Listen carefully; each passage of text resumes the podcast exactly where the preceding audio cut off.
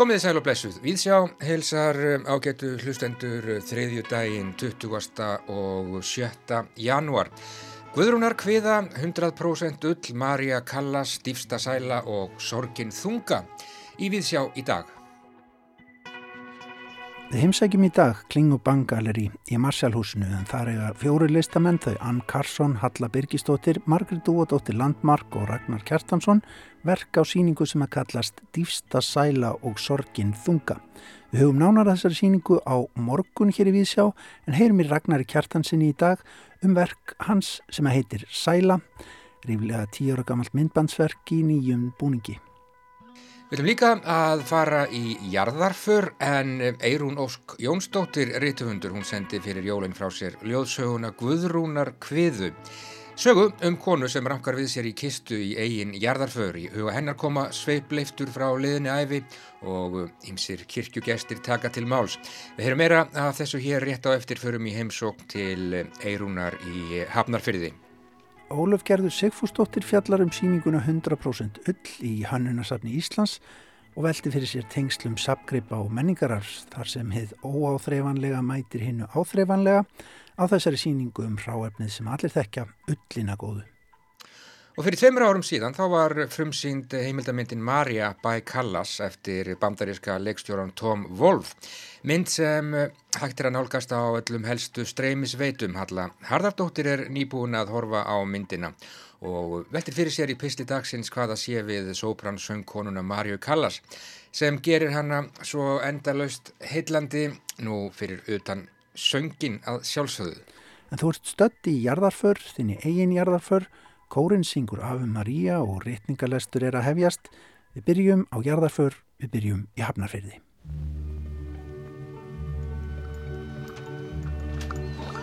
Já, góðan daginn. Gott, en þú? Ég fann þetta. Það er ekki? Jú. Var ég ekki að setja svona nála þér? Þannig að ég setja... Ég var bara svolítið fljótur að finna þetta. Það er ekki? Jú, þetta er svona leinigata. Já. Og ég verð með grímu. Um, ég, er með það. Já. Já, ég, ég hef aldrei, aldrei komið á þessar slóðu. Góðan daginn. Daginn. Herðu, við sjáumst. Þetta er pappi með Já. Það komið sko. Já. Ok.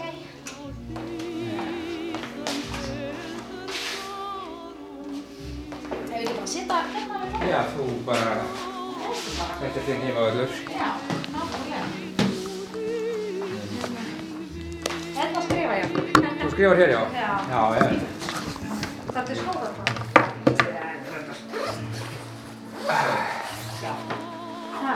Herðu, kom hún þetta. Sjáumst. Veist maður. Jæja, heyrðu. Þá erum við bara hér. Er til hamngi með bókina? Herðu, takk fyrir það, Ken. Mjög skemmtilega. Ég var búin að lesa hana. Ég ætlaði að vera búin að hafa sambandið fyrir löngu síðan. Já, takk fyrir það. Svo bara það var svo mikið að koma út af það bara. Já, ekki. Og ekki síst að ljóðabókum, sko. Ég er Já. bara með, sko, veit ekki hvað margar Sem sem ég hef bara ekki getað náða að snerta, sko. Margar mjög fínar. Hvað finnst þið best af því sem þú lesið? Sem ég lesi hingað. Já. Sko, ég var rosalega hrifin af bókina Samtons Helga. Já, hún er fín. fannst hún æðisleg. Já, mjög fín. Og hérna, svo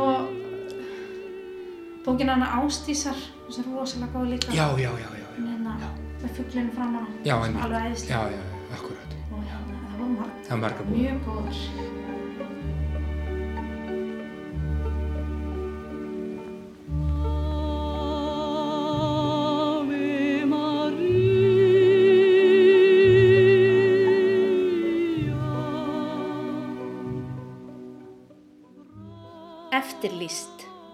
Lögreglan á höfuborgarsvæðinu lýsir eftir djúbstaðri þrá konu eftir því að eignast barn.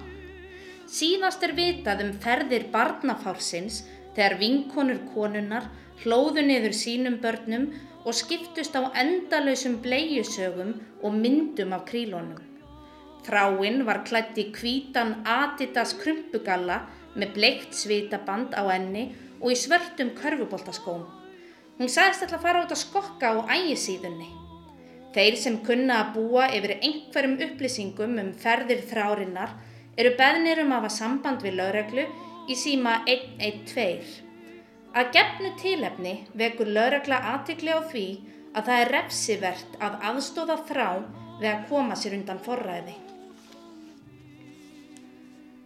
Lögreglan á höfuborgarsvæðinu lýsir eftir fullnægingu konu, allri ánægju af kynlífi og minnsta áhuga og kynlaungun. Ekki þykir ljóst hvar eða hvenar sást síðast til þessara kenda, en heyrst hefur að þær hafi annarkvort verið klættar í silfurlitan, glitrandi, þraungan og flegin afsáttíðakjól á borginni eða í lópapeisu, gallabugsum og bomsur með bjór í annari á útiháttíð í Allavík. Öllum sem gætu búið yfir einhverjum upplýsingum um ferðir kendana er bent á að hafa samband við neyðarlínu. Vakin er aðtikli á því að kendinnar gætu verið vopnaðar og í óstöðu ástandi og er fólki því ráði frá því að nálgast þær heldur ringja beint í lögreglu.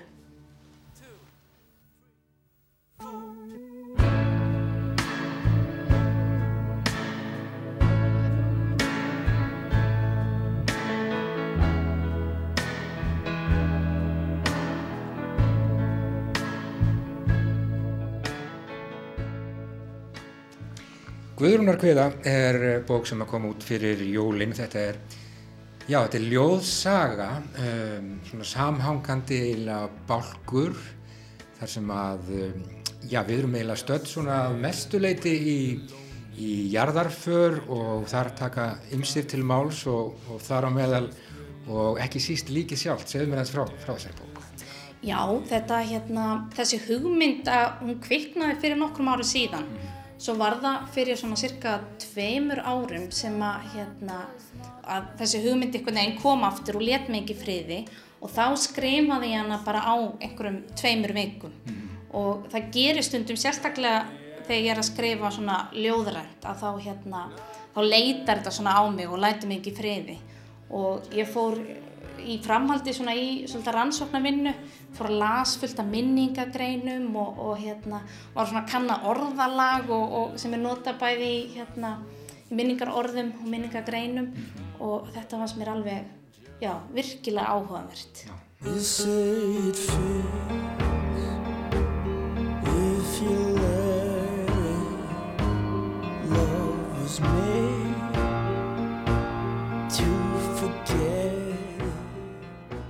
Særingar Í gamalli galdraskræðu er að finna kveðlinga, særingar, bölbænir og önnur máttugvers til þess að vekja fólk upp frá dauðum. Ljótir galdrar þetta. Þeir sem voru kallaðir tilbaka úr dauðanum voru aldrei samir, aldrei annað en skugginn af sjálfum sér. Þeir sem beittu særingunum mistu gjarnan vitið eða dóu sjálfur. Mönnum var ekki ætlað að fara með slíkt vald.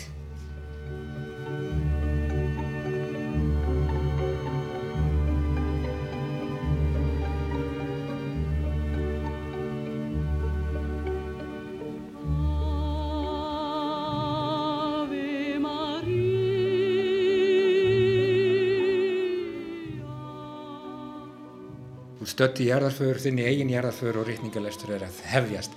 Þetta er, um, já það taka ymsir til, til máls þarna meðlans rötti í kirkukórnum og, og útfarastjórin og fleiri og svo auðvitað Guðrún sjálf, Guðrún, Guðrún Pálsdóttir og þetta er svona uh, öðrum þræði uh, svona hennar, hennar æfi saga og, og kannski ekki allt gott í hennar lífi.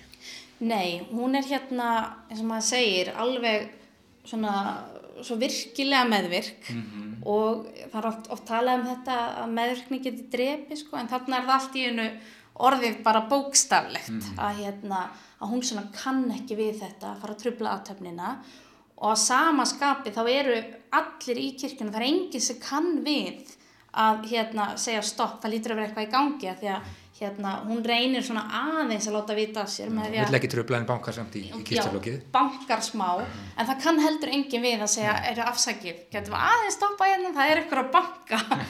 þannig, að, þannig að það eru allir í raun og veru svona að, að reyna að, að vera, gera sig ekki að fýbli, reyna að vera svona, þú veist, reyna að vera eðlir, reyna að hérna, trubli ekki á mikið. Já, nákvæmlega.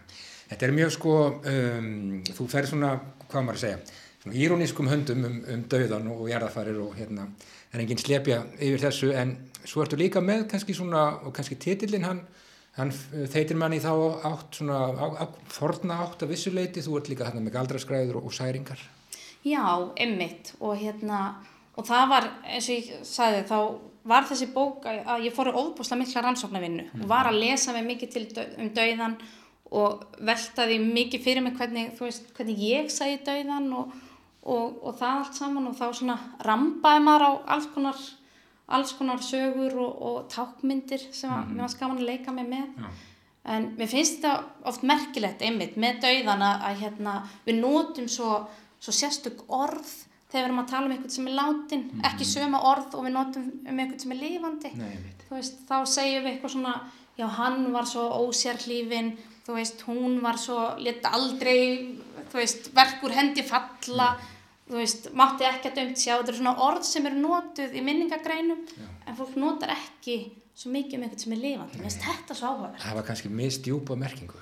Já, ymmit og hérna og maður stundum að velta fyrir sig hvað þýða þú veist sem þessara orð þetta verður stundum sem svo orðskrýpi sem eru notuð í svona minningarorðum Já. hvað þýða þau? Nákvæmlega. Um, taktu ástarbrefið sem hann sendi þér, þetta með ljóðinu og hjörtunum og kveiktu í því. Blástu þrísvar í eldin, ef eldurinn logar glatt þá verður ástin heit og mun endast. Ef það logar lítið í brefinu er ástin döðadæmt, þá er betra heima setið. Words are flowing out like endless rain into a paper cup. They slither wildly as they slip away across the universe.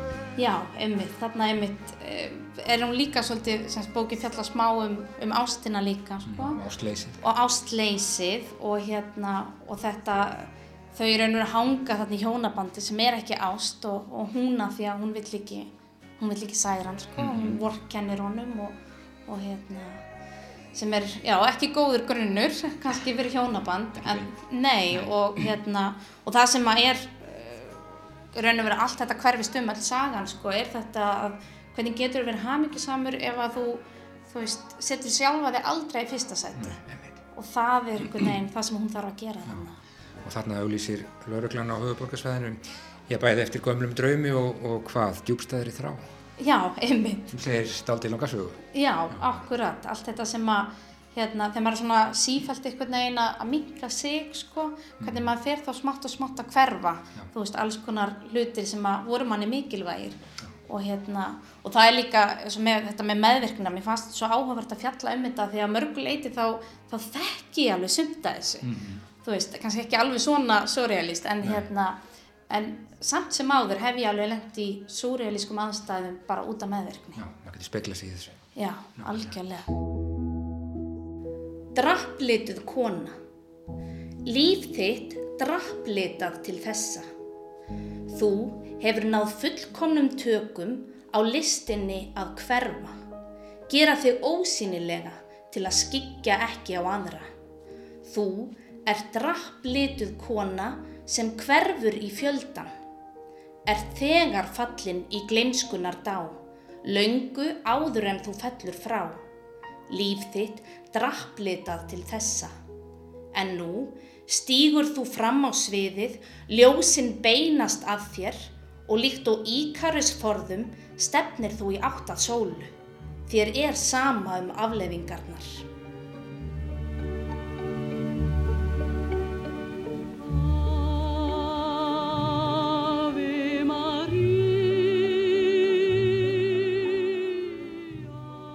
Náttúrulega hefur gefið út ljóðabækur áður, Eirún, þú fegst bókundavellun Tómasar Guðmundssonar hvaða 2016 fyrir eh, góðfúslegt leifi til síkarettu kaupa og hefur skrifað fyrir börn og unglinga.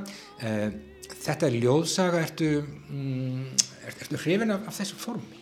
Já, ég er mjög hrifin að þessu formi og hérna, ég held að svona mu- munurinn á, hérna, því ég líka verið að skrifa, þú veist, bara venjulega skáldsögur fyrir unglinga, og, en það finnst mér, er meira oft svona það sem ég ákveð ég ætla að skrifa þetta, meðan ljóðin oft svona, eins og maður segir, leita á mig, mér finnst það líka svo skemmtilegt, þetta er svona alveg, þú veist, held ykkur allt sem ég er að gera og hérna, ég byrja að skrifa þessa sögu til dæmis sem, sem leikrit og hérna flutti það uh, fyrir tveimur árum. Já.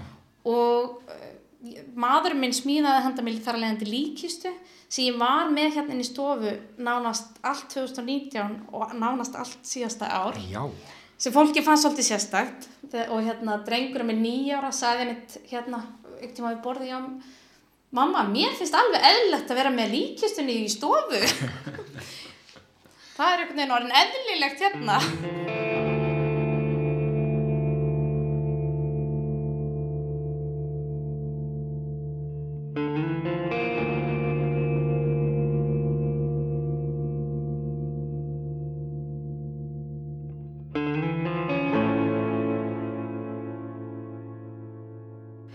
með dauða þrá ekki? um, sko það er áhugavert að ég verið að spurða að þessu af því að í nánast öllum bókunum mínum þá deyr einhver þannig að hérna sem er áhugavert, ég hef ekkert hugsað um það fyrir en einhver var að benda mér á það það er alveg, þú veist, í, í Lórelei, Hrafna Sólar og Mirra Mass, Söngur Snagsins og Guðrún og Kjör og það deyr einhver Er þetta ekki bara tvö þemu ást og dauði? Er þetta ekki alltaf sama? Jú, og hérna, nú semst, er ég alveg upp í búddisma og er í hérna búddissamtökunum og þar segir að þú getur ekki skilja lífið að þú er búin að skilja dauðan. Nei. Þú eru fyrst að skilja dauðan til að skilja lífið, sem Ég, er lí, áhugavert. ég hlýt að spyrja þig, er hún, uh, kannski svolítið persónulega spurning, en, en hefur þú sjálf ímyndaðir þína einn jarðaför?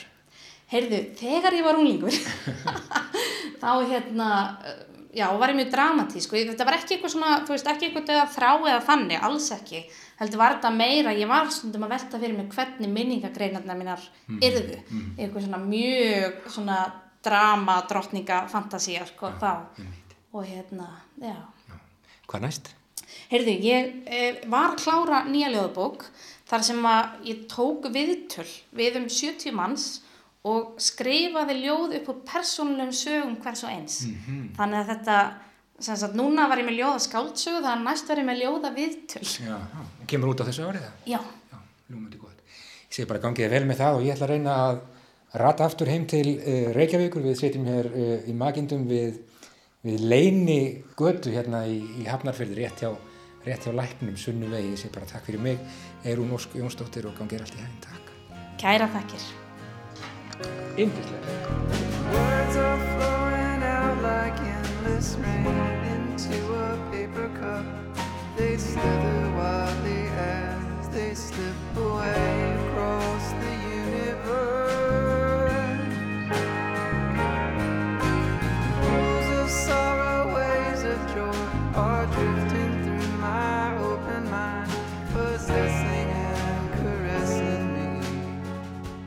Já, kunnulegt lag hér í lokin bílalagið Across the Universe hér í flutningi Phosphorescent sem er listamannsnafn bandaríska söngvarans og lagahöfundarins Matthew Hook frá Alabama fylki í bandaríkjunum.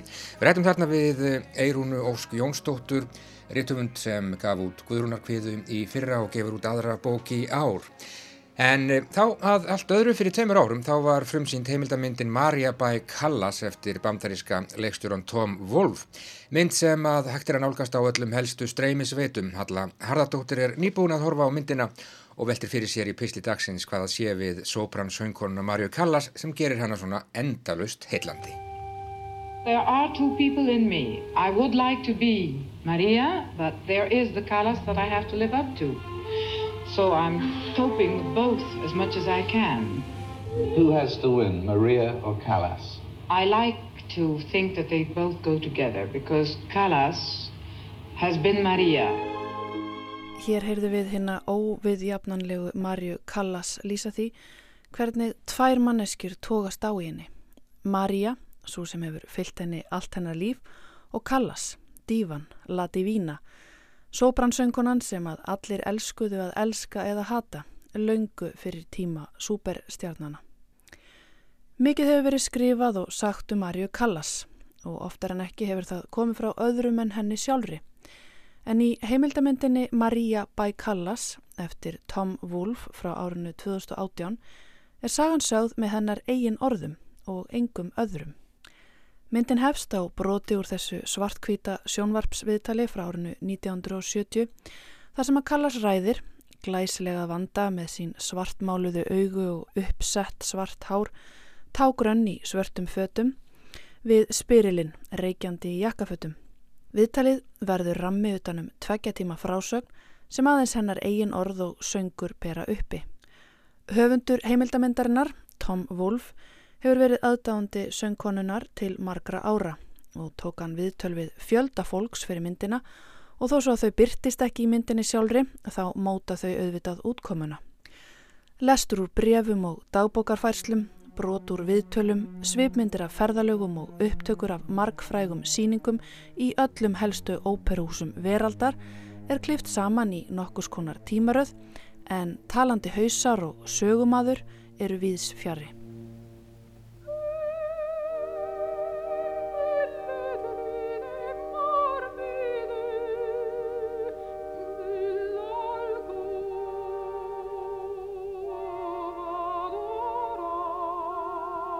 Áttur þú hamingjaríka æsku, frú Kallas, spyr hinn reykjandi spyrill.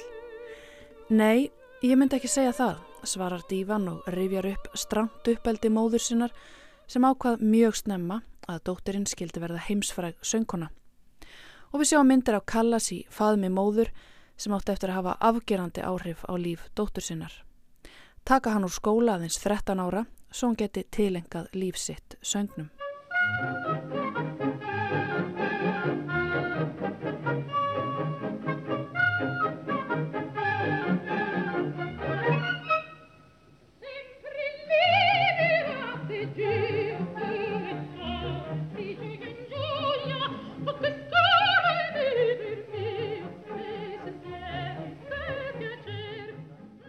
Hvað er það við Marju Kallas sem er svona óendanlega heillandi fyrir utan röddina?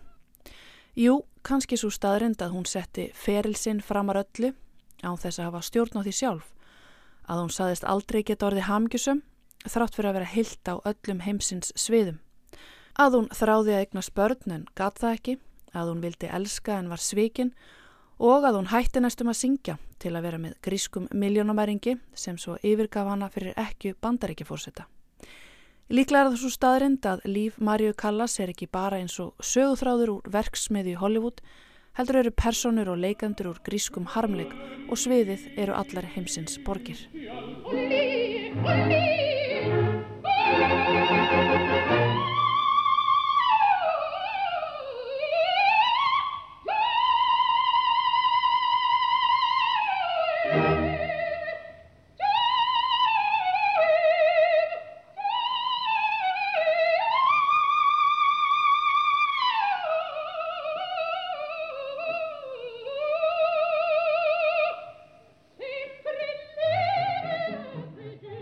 Maria Callas var fætt í New York árið 1923 en foreldra hennar voru grískir innflytjandur. Hún fekk nafnið Maria Anna Cecilia Sofia Kallogeropoulos en fadur hennar stitti fjölskyldunafnið niður í Callas. Maria var vist bara fimm ára gömul þegar söngkæfileikar hennar kom í ljós og stutti síðar á hvað móður hennar að hún skildi verða söngkona og átt ára gömul hóf stúlkan píanonám. Foreldrar hennar voru vist ómöguleg saman frá upphafi og þegar Maria var 13 ára gömul ákvað móður hennar að flytja með dæturnar aftur til Greiklands.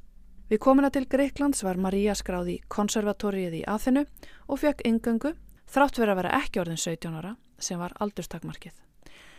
En ekkert á þessu kemur í raun fram í heimildamendinni og lítið er farið yfir æsku söngkonunnar en við fáum tilfinningu fyrir óhamingunni. Eins og fram hefur komið áður í fjölda viðtala Þar á meðal einu viðfrægu opnu viðtali í tímaritinu Time frá árinu 1956 þar sem að Callas lýsir því hversu sleimt samband hafi verið á milli þeirra maðgna þó hún á sama tíma þakki henni alla sína velgengni. Brot úr einu viðtalana heyru við þó í myndinni og þar segir hún meðal annars að það ættu í raun að vera til lög sem að vernduðu börn gegn því að koma fram of snemma. Börn ættu eiga hamingiríka æsku, segir hún, án mikillar ábyrðar. Í myndinni kemur einnig fram hversu mikla hæfileika hún síndi strax á námsárum sínum. Ekki einungis ótrúlega hæfileika heldur einnig yfirbörða staðfestu og námsketu.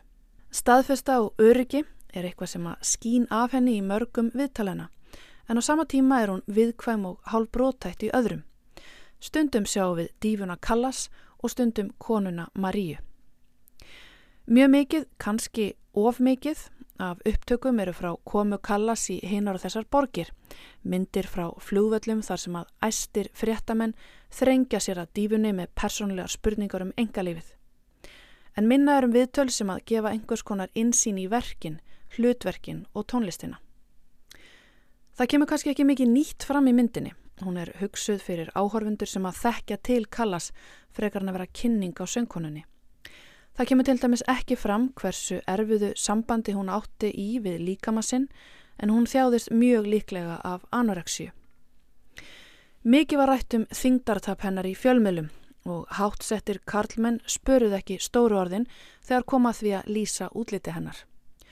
Rudolf Bing, stjórnandi Metropolitan Óperunar í New York á þeim tíma og sem að síðar rak Kallas fyrir að vera með of miklar kröfur, sagði hana hafa verið feita eins og skrimsli við uppaf ferilsins en að eftir árangusríka megrun hafi hún umbreyst í ótrúlega fara konu sem ekki væri að sjá að hefði verið feit eins og svo oft væri raunin í tilfelli feitra kvenna sem að yrðu grannar.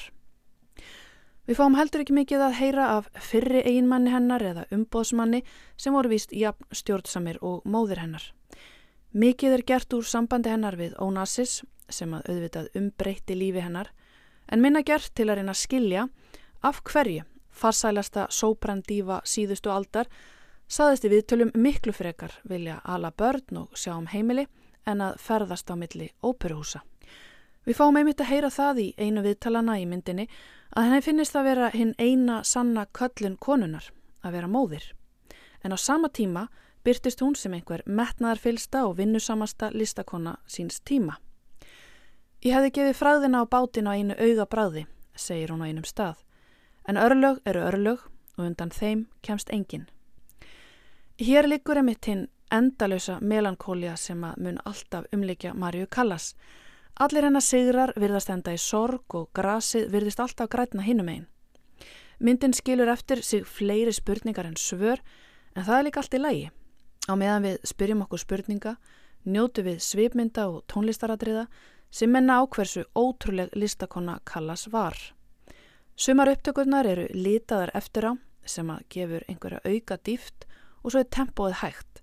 Leikstjóran leifur upptökunum að lifa til enda og lögunum að klárast sem er einn af kostum myndarinnar.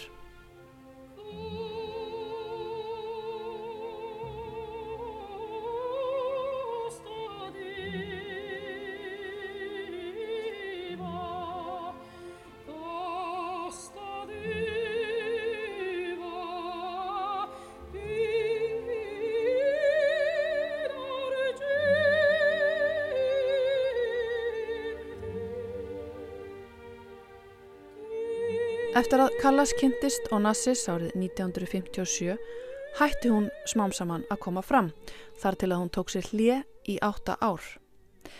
Mísjafnar sögur fara því af hverju hún hætti að koma fram og var það vegna afbríðsemi og stjórnsemi Onassis eða vild hún sjálf draga í hlje. Í einu viðtalina sem að byrtist í myndinni segist hún hafa viljað einbita sér að því að vera kona en einnig nefnir hún heilsuna að hún hafi þurft að kvíla sig á líkama á sál eftir að hafa kyrt sig út á sleitulöysri vinnu allt frá því að hún var 13 ára gömul. Ástasamband Callas og Onassis endist í tíu ár en árið 1968 yfirgaf hann hana fyrir Jackie Kennedy sem hann giftist stuttu síðar. Sagt er að Callas hafi aldrei jafna sig á því að vera yfirgefin. Hún byrjaði aftur að syngja og ferðaðist á ný um heiminn en röddin var auðvitað ekki svo sama og hún hafi verið á hátindi ferilsins. Hún dróð sér sífælt meira til hljás, bjó í París síðustu árin, helsulítil og ein í storri íbúð og nánast hætti að stunda samkamislíf. Hún lést úr hjartaáfalli aðeins 53 ára gömul þann 16. september árið 1977. Lífslaup Marju Callas myndi sóma sér vel á hvaða sviði sem er og tragísk endalokk hennar þar sem hún deyr ein með þjónum sínum eru eins og endalokk í óperu eftir verdi.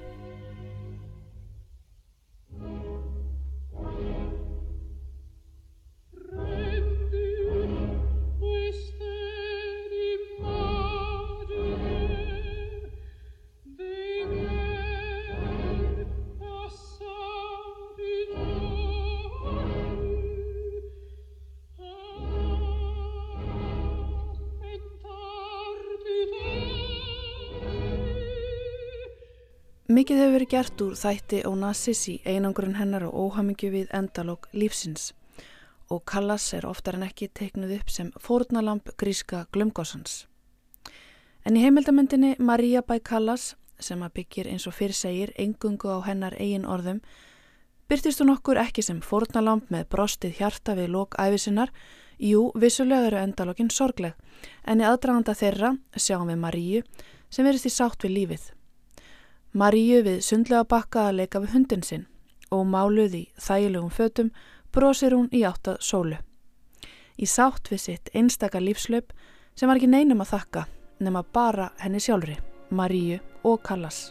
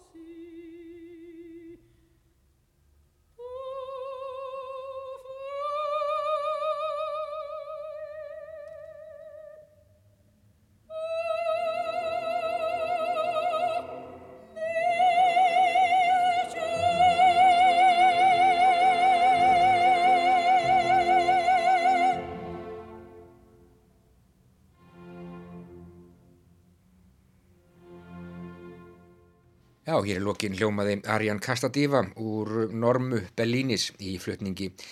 Hinnar einu sönnu Marju Callas á samt Kór La Scala. Það var upptaka frá árunnu 1960 og það er rétt að geta þess að heimildamindina Marja bæ Callas er hægt að nálgast á öllum helstu streymisveitum þar á meðal í sjónvarpi Símans. Það var Halla Harðardóttir sem sagði frá. Þá ágetur hlustendur likur leiðin í Hönnunasafn Íslands, Óluf Gerður Sigfúrsdóttir. Ég brá mér inn á Hönnunasafn Íslands á leiðminnum Garðabæin á dögunum. Safn sem ég heimsæki allt og sjaldan en er samt í alfara leið. Hönnunasafnið hefur það hlutverk að skrásetja og varveita þann þátt íslenskrar menningarsögu sem lítur að hönnun og handverki með kerfisbundinni söpnun hönnunargripa. Safnegnin telur nú um 900 verk og endurspeglar allar tegundur hönnunar svo sem vöruhönnun, grafíska hönnun, arkitektúr og fatahönnun. Hönnun er nokkuð ungt fag á Íslandi en hefur farið mjög vaksandi á undanförnum tveimur áratugum, ekki síst eftir að farið var að kenna hönnun á háskólastíi með tilkomu hönnunadeildar í listaháskólanum árið 2001 en einnig með stopnun hönnunamiðstöðar 2008 og hönnunamars í kjölfarið. Hönnunasafn Íslands sem stopnað var 1998 og uppalega reikið sem deild innan þjómanasafnsins er svo enn einn stóðin í að byggja upp fagsamfélag hönnuða hér á landi og auka vitund almennings um fæið. Á undanförnum árum hefur safni lagt aukna áherslu á fræðslitarskrá í tengslu við síningar með viðbyrjadagskrá, námskeiðahaldi og öflugu samstarfi við skóla í nýju glæsilegu fræðslurými safsins. Í safninu stendur nú yfir síningin 100% ull í síningarstjórn Signíjar Þórhalsdóttur og Birgis Arnar Jónssonar. Þáttakendur koma frá ólíkum sviðum hönnunar og handverks en eiga það sameilegt að nýta íslensku ullina í sínum afurðum. Yfirbræðsýningarinnar er fáað og stílrengt og fölblár pastelitur síningarborða og síningapalla tónar vel við steingrátt gólfið og daufa lýsinguna. Hér hefur auglustlega verið huga vel að útliti síningarinnar með síningur hönnuninni sjálfri en það eru við jú á hönnunasafni. Sýningin er römmuðinn með handskrifðum tekstum og sjónlýsingjum á veggjum sem teiknuð eru af grafíska hönnuðunum og reytöfundunum Rán Flíganring. Með því að nota þetta sjónræna form í stað hefðbundina merkimiða eða límstafi á veggjum er hér lögð áhersla á lifandi frásagnamáta og línulega frásagn hvers verks fyrir sig þar sem framleysluferlið er rakið frá upphafi til enda í snildarlegri útferslu ránar. Þetta er afbræðskóð leið til að miðla miklu af upplýsingum í þjættu formi án þess að taka mikið pláss eða að of mikil tími fari í lestur á veggjum eins og oftil verða á söpnum. Á síninguna hafa verið valin verk 6 hönnuða, handverksfólks og fyrirtækja sem sér hafa sig í meðhöndlun og úrvinnslu íslensku öllarinnar en þetta eru ástildur Magnúsdóttir Vivari, Magnega Einarsdóttir Fatahönnuður, verslunin Kormákur og Skjöldur, fyrirtæki Kula bæ Bryndís, samstagsverkefni Ró og öllarvinnslu fyrirtækið Ístegs. Ónýttalega vakna strax spurningar um hagsmönnatengsl þegar maður sér þennan sínendahóp en allir sínendur nema einn eru með fyrirtækirestur og eiga því eflaust viðskiptahagsmuna því að vera valdir til þáttöku á síningunni. Hönnun er auðvitað listgrein sem á í beitni tengslum við markaðin en margar aðra listgreinar og í raun er það viðtekinn vennja að sína verkundir frægum hönnunamerkjum á hönnunasöfnum víðum heim. Þetta er enga síður fín lína sem þarf í hverju tilfelli að feta af varkárni og meðutund. Hér eru verk ástildar Magnúsdóttur nöðsynlegt mótvægi við þessa tilfinningum fyrirtækjakynningu og í raun bjargar síningastöð hennar síningunum frá því að líkast meir kaupmessu en síningu á ofinveru sapni. Sýningin gerir reymitt þessi tengsl öllarinnar við framlegslu og vöruþróun að miðpunti þar sem framlegsluferlið er rækið frá kind að fullbúinni neytendavöru. Útgangspunktur síningarinnar er að sína vægi öllarinnar í vöru skipta og hagkerfi landsins langt aftur í aldir þessa klassiska og náttúrulega efniviðar með sína óendanlegu möguleika. Öllin er jú samófin menningarsögu landsins allt aftur til landnáms og hefur hún gengt líki hlutverki í handverks og yðnaðasögu þjóðurinnar um aldir. Öllarvorur voru um langt skeið einn helsta útflutningsvara Íslendinga og á miðöldum var vaðmál sem óið var úr öll og mælt í álnum mikilvægur gældmiðl. Sýningin er römmið inn með þessari áhugaverðu sögu í forgrunni sem er í senn yðnaðarsaga, lambúnaðarsaga, hönnunarsaga, handverkssaga, menningarsaga, tæknisaga og viðskiptasaga.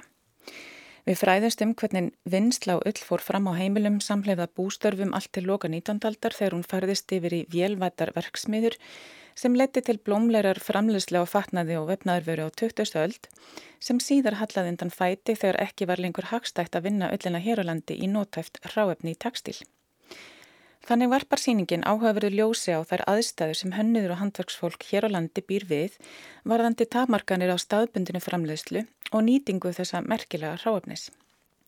Í dag er ullin í langflestum tilfellum send erlendis til tekstilframleiðenda sem síðan senda ofið efni aftur hinga til lands þar sem það er sniðið og saumað í fullbúna flík eða grip.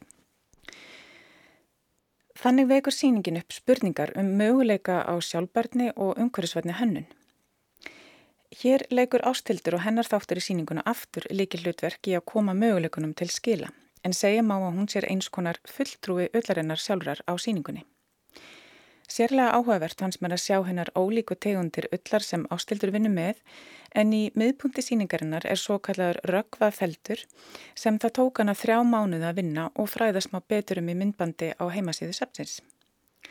Við fáum upplýsingar um framlegsluferlið frá upphafi til enda, hvaða bóndi rektar kindurnar tvær sem veita öllina í feldin, á hvaða bæ þar koma og svo framvegis. Við fáum einnig að kynnast ólíkum gerðum af tógi, þráðum, þeli og lippum sem ástildur vinnu með og við sjáum munin á öll af vennulegu fjö og feldfjö, hvað fælst í þrinnuðu tógi, tvinnuðu tógi og einspunatógi og við lærum um aukaafurður eins og lanolín sem falla til við framleyslu öllarinnar en er þó ekki hægt að nýta hér á landi þar sem réttu tólin og tækin til þess skortir. Hér myndast afar mikilvæg tenging milli áþreifanlegs menningarars og óáþreifanlegs menningarars þar sem hefðir, vennjur og verklag komaði ljós við það eitt að efnislegur gripur er tekinn til síningar. En það er einmitt ekki síður hlutverk sapna að viðhalda og miðla þessum óáþreifulegu ferlum sem felast í vinnulægi og handverki, ekki síður en beinhörðum og efnislegum gripum og þannig eiga söpn sinn þátt í að viðhalda þekkingunni sem felst í slíkum vennjum og síðum. Minna fer fyrir þessari mikilvægi funksjón sapsins í verkum annara þáttakenda síningarinnar þar sem framleysluferlið er vélrænt og í flestum tilfellum fram í erlendum verksmiðum. Í þeim verkum er frekar áhersla lögð á hérna endanlegu afurð, hönnunar afurðina sjálfa. Miða við hversu mikil áhersla er lögð á framlegsluferðli hvers verks á síningunni, þar sem ferðalagi öllarinnar frá kind til ráöfnis til vöruþróunar til fulluninar vöru eru gerð góð skil, hefði verið raugrætt að fjalla meira um hvers vegna þessi yðnaður kvarf næstu með öllu eftir þá gullöld sem hér ríkti á síðari hluta 20. aldar þegar fyrirtæki á borfið Álafoss og Gefjun voru upp á sitt besta. Áhugavert hefði verið að læra meir um forsögu þessa yðnaðar og hvers vegna svo er komið fyrir honum í dag sem raunbyr vitni. Ferri sögu eru gerð ágætt skil á yðnaðarsögusafninu á Akureyri og hér hefði samstarf með láni á greipum og þekkingarmiðlunum millir safna verið vel til þess fallin að þjætta þennar hlutar síningarinnar. Þá er það einnig eitt af hlutverkum ofinbæra sapna að efna til gaggríninar umræðum áleitamáli samfélaginu og eins og segir í kynningateksta þá eru skiptar skoðanir á íslensku öllinni og nýtingarmöguleikum hennar. Hér hefði sapni geta nýtt tækifarið betur til að skapa frekari umræðu um þar takmarkanir sem framlegsleferlinu fylgir hér á landi og þau vanbúna atvinnumkörfi sem hönnuðir sem vilja sér hafa sig í öll búa við. Það er virkilega sorglegt að sjá hvernig komið er fyrir öllar yðnaðinum hér á landi, staða sem skrifast fyrst og fremst á yðnaðin og nýsköpunarumkörfið því ekki vantar hugvitið eða vel færa hönnuði til að vinna úr ráefninu eins og síningin ber vitni um. Óluf gerður Sigfúsdóttir um síninguna 100% öll í hönnunarsafni Íslands sem er til húsa í þeim ágæta bæ Garðabæ. En þá höldum við heimsókn í Kling og Bang Galleri í Marsjálhúsinu út á Granda. Það er nú upp í síning sem var opnað um síðustu helgi og fjórir listamenn eiga verk á. Þau Ann Karsson, Ragnar Kjartansson, Halla Birgisdóttir og Margret Dúadóttir Landmark. Yfirskrift síningarinnar, Dýfsta sæla og Sorgin þunga er fengin að láni úr ljóði Ólafar frá hlöðum. Það er með huga betur að upplegi síningarinnar á morgun hér í Víðsjá og ræða þá til dæmis við Ann Karsson um hennar verk á síningunni En í dag tökum við tali Ragnar Kjartansson um tíu ára gamalt verk hans sem að þarna er til sínis í nýlegum búningi. 12 klukkustundar langa endurtekna óperusenu sem að heitir Sæla. Við gengum inn í listaverkið með Ragnari í dag til að reyfja upp þetta sérstæða listaverk. Já, Ragnar, hvert eru við komnir? Við erum, uh, núna erum við inn í Klingobang að horfa á myndbandsverkið Sæla, eða Bliss og það var bara að vera að sitja í gang þannig að það er upphafið af, af þessum 12 klukkutímum sem þetta mittbandverk er þetta er svo að í rauninni dokumentasjón eða heimild af því þegar við fluttum þetta verk e, 2019 e, vorið hérna út í með hérna Los Angeles Philharmonic genginu. Mm -hmm. stjórn, stjórn Christopher Roundtree að byggðu við lítið leikús inn í hérna inn í Los Angeles Philharmoníinni það sem er bara svona, svona rokoko-leikur það sem þetta verk Bliss sem var sett upp verkið er bara gengur út á það það eru loka Arjan í uh, Brúkum Fíkaros það sem greifin byður greifin fyrirgefningar. Hún segist fyrirgjóðanum að því hún er blíðar en hann. Og svo syngja allir um að nú er allt fyrirgefið og getum alltaf verið hafmyggisum aftur og aftur og aftur. og aftur og aftur og aftur. Þannig að nú erum við bara að horfa á fyrstu þetta er fyrsti ringurinn mm -hmm. og svo bara já, svo verður þetta núna í gangi þannig til núna er klukkan 12 og þetta, þetta vídeo endar ekkert fyrir 12 í nótt. Og, og það, þú veist, þú, það það sem mér finnst svona áhugavert í þessu líka er að, er að þau eru hérna bara hérna við erum öll bara í búningum og það er hljómsveit og það er allt ótrúlega tradísjonalt í uppsetningunni á Brúkupi Fíkarós á þessar einu sinu en, en þau eru bara í einhvers konar furðulegu dantið helviti sem er samt algjör sæl að vera í sko því að að vera í 12 tíma í þessu Mozartlandi er bara geggjað sko. Þannig ég, það er bara minningin um að taka þátt í þessu verki við hefum gert það tvisvar er alveg ofbúðslega góð sko. Og eins og Kristján Jónsson sagði sjálfur bara Mozart í 12 tíma, það er bara eins og að sofa Þetta er sagt komið núna í þennan svona cinematíska búning. Þú ert búin að búa þetta til meira fyrir eins og, eins og sjónvarp. Já, ég, ég, verkið var uppalega gert 2011 fyrir Performa í New York og þá tókum við upp bara á eina, uh, eina sagt, kameru og svo var einhver lungun í mér alltaf að, að gera þetta verk sko, að taka það upp almennlega eins og bara í rauninni eins og klísjunar hvernig svona, þú veist, útsendingar frá Metropolitan eru teknar upp svona óperubíó svona, þú veist, þú veist, svona leiðilegir óperu DVD-diskar mér langaði svona að hafa þá fagfræði þannig að svo kom þetta búið um að gera verkið aftur, ég ætla aldrei að gera aftur svo bara kom þetta góða búið frá LFL og þá hugsaði ég bara hvað þeir eru bara nú gerum við þetta í kvimdaborginni og fáum bara frábært frábært, frábært krú til að taka þetta upp og, og, og að bara skrásita þetta og skrásita þennan sko, þennan performance líkans Kristjáns Jónssonar sem er alveg magnaður í þessu verki og Kristján Órin, hvað, tíu árum eldri eða svo? Já, eitthvað svo leiðis, já. Eins og allir kannski? Eins og allir, eins og við allir, já. Nefna, þú veist, upphæðlega var verk gert með Kristjáni og, og svona vinum og nefnendum hér úr, úr þú veist, Íslandsku sinna þegar það var sko, þau vorum að reyna að gera verki í York, það vildi engin óperusöngur að gera þetta. Því þátt að þá bara var þetta bara ekki séns. En svo braut Kristján ísinn, bara ég sá hann frá þessu, ég spurði ekki svona hvort hann vildi gera þetta, bara, þú veist, ekki, ég þorði ekki að spurja hann að því. hann bara, hvað ég ætlar að gera þetta? Þá sagði hann þessa frábæra sendingu Mozart tóltíma, það er bara eins og að sofa. Ekkert mál, ég skal bara gera þetta. Og fekk sko frábæran hóp hérna, nefnda og vinna og en svo nú svona 2019 þá, þá hérna, var Kristoffer Roundtree að skipilega þetta en hann vildi endilega fá Kristján og svo söngvara bara úr sem eru bara í hérna í LA óperunni til þess að til þess að vera með þessu þá eftir að búa núna var, það var ekkert mála því að veist verkið síndi sig á sín tíma það var, var allt í lægi með alla og, og enginn brendi sér mjög mikið. Nei. Og það er líka eitthvað við þessa við þessa músík að það bara maður bara eflist við að syngja hana stöðut í 12 klukkutíma.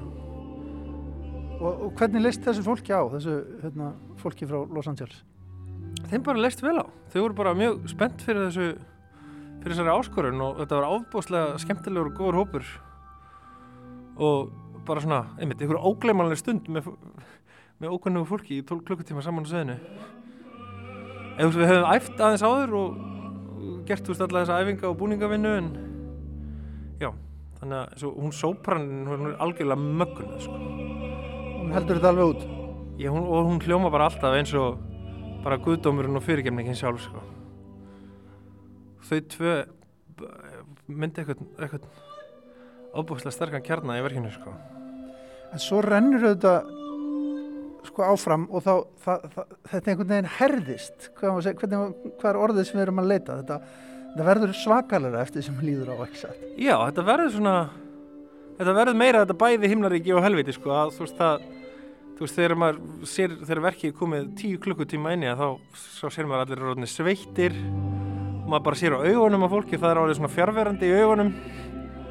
Og það var líka það, það sem að ég sótti svo eftir að gera með, með þessari svona cinematísku nálgun að finna finna einhvern veginn það er svo ótrúlega með kvipmyndaformi að þú nær sko einhvern veginn meiri líkamlegri námt heldur en í í gjörningnum sjálfum sko. Þú finnur meira fyrir hvernig hvernig þetta er tilfinningarlega og líkamlega fyrir fyrir þáttangutina sko. Og og þetta verður svona, þetta verður alltaf svona hlaðnar og hlaðnara sko.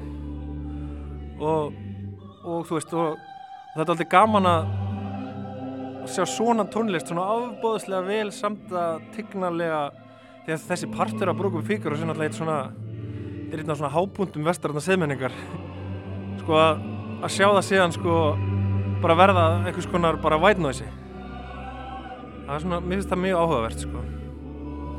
Þannig að þetta er svona já, mér er alltaf fundist bara já, ég já, mér er alltaf fundist bara með hérna, bara vestræn seðmenning og svona, og svona hlutir í henni eins og ópera, svo áhugaverðir þess að ykkur sagði eftir mér bara það furðulegasta sem mannskefnin hefur búið til er ópera og gotneska kirkjur. Og, og, og, veist, og þetta er þessi ópera er samin á þú veist, á hápunkti skynnsemishyggjunar óperan á sitt upp af meðfram sko upplýsingunni og skynnseminni og þetta já, þetta er frá 1786 og mér finnst líka svo bara Það eru þrjú ári byltingu þá? Já, þetta er bara franska byltingin er handað við hornið, skaftareldar eru krömandi og svona heimurinn er allur að breytast, nútíminn er að vera til. Þá skrifar Mozart og De Ponte þessu óperu. Og, og hún er náttúrulega um forréttindi og hérna og bara svona, þú veist, bara ofbeldi og forréttindi. Greifan, sko. Og hérna að hún sko já, og það var alltaf bönnuð, þú veist, að, þú veist þetta er bara gamanópera sem snýst allum að einhverjum greifa langar til að nauka þjónustustúrkunni sinni. Og, og svo bara er hann stoppaður og hann byggðist afsökunar hann í lokin. Og þetta var náttúrulega um þessa, þessi forrættindi aðalsins að hann mátti gera allt sem hann vildi. Og svo og svo bara finnst mér gaman að horfa á þetta í dag þá er, þú veist, þá er önnur forrættindi sem maður sér. Að verki sjálft sko þú veist, já það er svona að mér fannst mjög gaman að sko taka þetta verk upp eftir og horfa á það í sko í ljósi undanfærið þessi áratögar það er svona þessi áratögar er búin að framkalla mjög margt sko. Og það verður mjög skýrt í þessu myndbandi sko. Svona hálf óþægileg tilfinning sem að sem undarlegt er eitthvað sem að sækist eftir